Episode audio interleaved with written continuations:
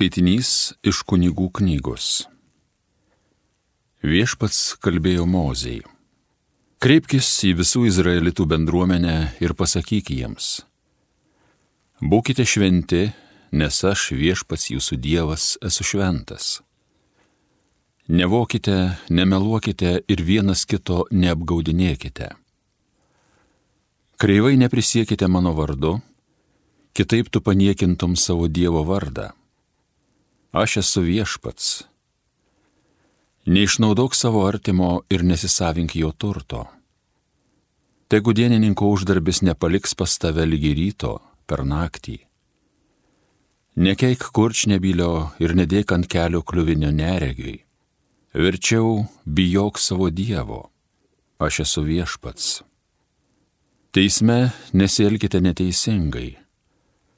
Nestok nei į mažojo, nei į didžiojo pusę teisingai teisk giminietį. Nešmeiž gentainio, nestok reikalauti savo artimo gyvybės. Aš esu viešpats. Nenešiok širdie neapykantos broliui. Pamoky gentainį, tada tu neversi jam nuodėmis. Nekeršyk savo tautiečiams, nejausk jiems pagėžos. Mylėk savo artimą kaip save patį. Aš esu viešpats. Tai Dievo žodis.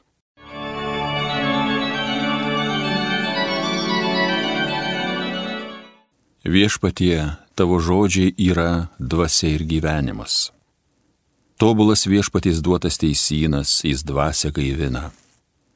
Pasakymas viešpaties tvirtas, išminties moko varguolį. Viešpatie, tavo žodžiai yra dvasia ir gyvenimas.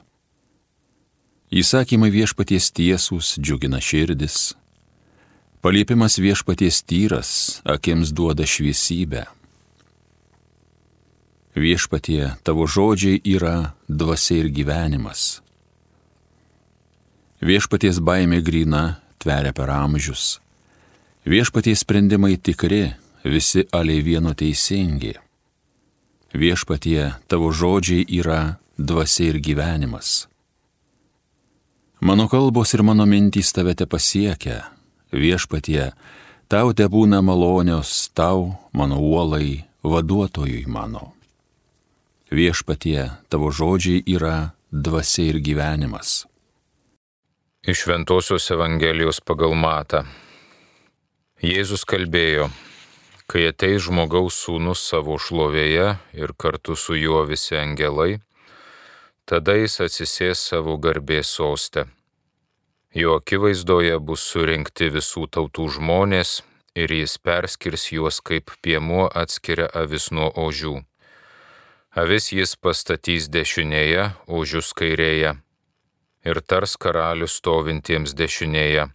Ateikite mano tėvo palaimintieji, paveldėkite nuo pasaulio sukūrimo jums paruoštą karalystę nes aš buvau išalkęs ir jūs mane pavalgydinote, buvau ištroškęs ir mane pagirdėte, buvau keleivis ir mane priglaudėte, buvau nuogas, mane aprengėte, ligonis mane aplankėte, kalinys atėjote pas mane. Tuomet teisėjai klaus, viešpatie, kadagi mes tave matėme alkaną ir pavalgydinome, trokštantį ir pagirdėme, kadagi matėme tave sergantį ar kalinį ir kadagi mes matėme tave keliaujantį ir priglaudėme ar nuogą ir aprengėme, kadagi matėme tave sergantį ar kalinį ir aplankėme. Ir atsakys jiems karalius, iš tiesų sakau jums, kiek kartų tai padarėte vienam iš mažiausiųjų mano brolių, man padarėte. Paskui jis prabils į stovinčius kairėje Eikite šalin nuo manęs prakeiktieji į amžinąją ugnį, kuri prirenkta velniui ir jo angelams.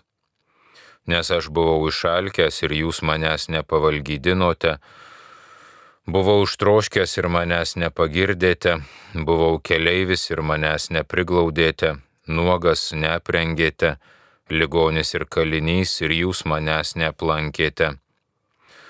Tuomet jie atsakys, viešpatie, kadagi mes tave matėme alkaną ar ištroškusį, ar keleivį, ar nuogą, ar ligonį, ar kalinį ir tau nepatarnavome.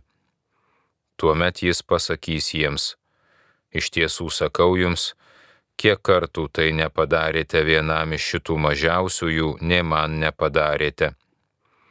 Ir eis šitie į amžiną įkentėjimą, o teisėjai į amžiną įgyvenimą tai viešpatie žodis.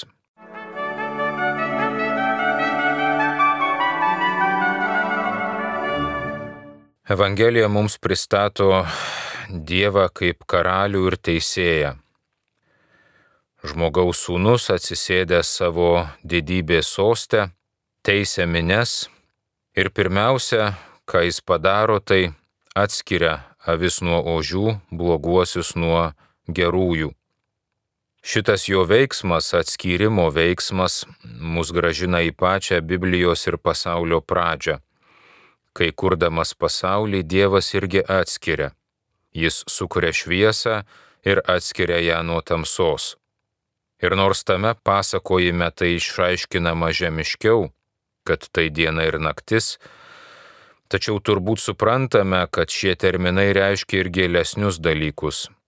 Taigi pradžioje Dievas suvaldo tvyraujusią maišalinę, chaosą, jis mato, kad šviesa yra gera ir atskiria ją nuo tamsos, nuo blogio.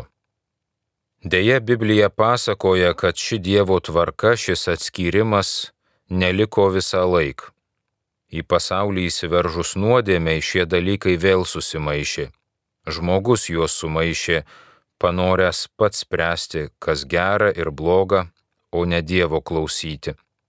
Ta susimaišymą, tą sunkumą atskirti gėrį nuo blogio matome mūsų žmogiškame pasaulyje. Kartą su vienu pašnekovu kalbėjomės apie moralinius sprendimus, kas dora, kas nedora, ir jis sakė, žinot, kunigė gyvenime nėra tik juoda ir balta, yra labai daug pilkų atspalvių. Sutinku su juo, kartais tikrai nelengva atskirti, kas buvo teisingiau istorijoje arba kaip būtų teisingiau elgtis dabar.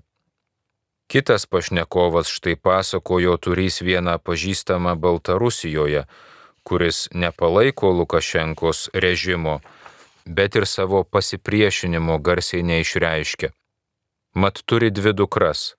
Viena baiginėja mokyklą, kita institute mokosi, jis savo nedidelį verslą turi, Ir štai jam pasirinkimas - ar kovoti, priešintis ir tada jo verslą uždarys, dukra iš instituto pašalins, kita niekur neįstos. Sprendimai tikrai nepaprasti. Gal iš šono ir lengviau pasakyti, kad nepaisant grėsiančių pavojų vis tiek reikia priešintis, bet nežinome, kaip pasielgtume patys būdami jo vietoje. Taigi blogis su gėriu dažnai susimaišę. Mūsų žmogiškame pasaulyje matome ir šio susimaišymo priežastį - tą pačią pagundą, kuriai pasidavė Adomas ir Jėva. Dabar dažnai tvirtinama, kad nėra objektyvios tiesos, kad kiekvienas turi savo tiesą. Ir tai sakoma ne tik apie būtinius dalykus, skonius ar pomėgius, bet ir apie esminius žmogaus ir jo gyvenimo supratimą, Dievą. Štai pamenu vieno už abortus pasisakančio autoriaus straipsnį. Jo pradžioje teigiama, kad žmogus prasideda tik su jo gimimu, o iki tol jis tęsanti moters kūno dalis. Aišku, padarius tokią prielaidą, abortas atrodo visiškai pateisinamas. Galima būtų klausti, kodėl tokia prielaida. Ar žmogus nuoširdžiai ją tiki ir tada iš jos logiškai daro išvadą apie abortų teisėtumą, ar atvirkščiai nori bet kokią kainą pateisinti abortus ir tada sugalvoja tokią prielaidą. Bet tai ne šio pamokslo tema. Šiuo ir kitais pavyzdžiais tik noriu parodyti, kad tai, ką kūrėjas pradžioje aiškiai atskyrė, žmogus savo puikybę ir nuodėmę vėl suplakė į vieną. Ką šitame kontekste mums kelbia šiandienė Evangelija.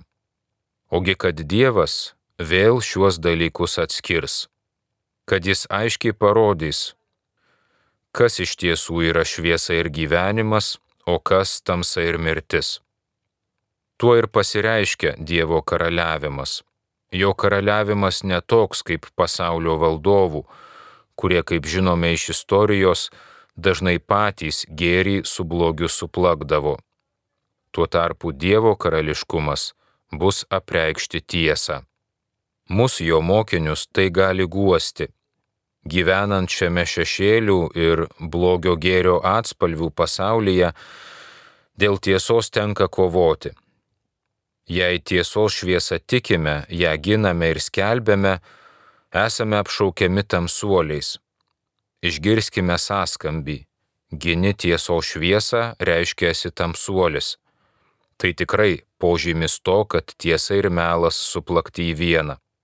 Tačiau paskutinio teismo metu bus parodyta, kas yra tikroji šviesa. Kristus valdovas atskirs ją nuo tamsos. Tiesa, šiek tiek gaila, kad galutinai šią savo tiesos valdžią Kristus parodys tik per paskutinį teismą. Tačiau tai nereiškia, kad bent iš dalies tai nevyksta dabar. Jis ir dabar atskiria šviesą nuo tamsos. Ir tai daro pirmiausia mūsų širdyse stenkimės jo žodžio klausydamiesi sklaidyti blogio šešėlius savo pačių gyvenime, pasirinkimuose, mintyse. Galų gale prisiminkime, kad tikroji šviesa yra jis pats, Kristus. Jis gali mus išvesti per tokias situacijas, kur žmogiškų protų tikrai nėra iškumo ir viskas atrodo sumišę ir pilka. Jis, tiesos karalius, gali mus atskirti nuo tamsos. Tad laikykimės jo rankos.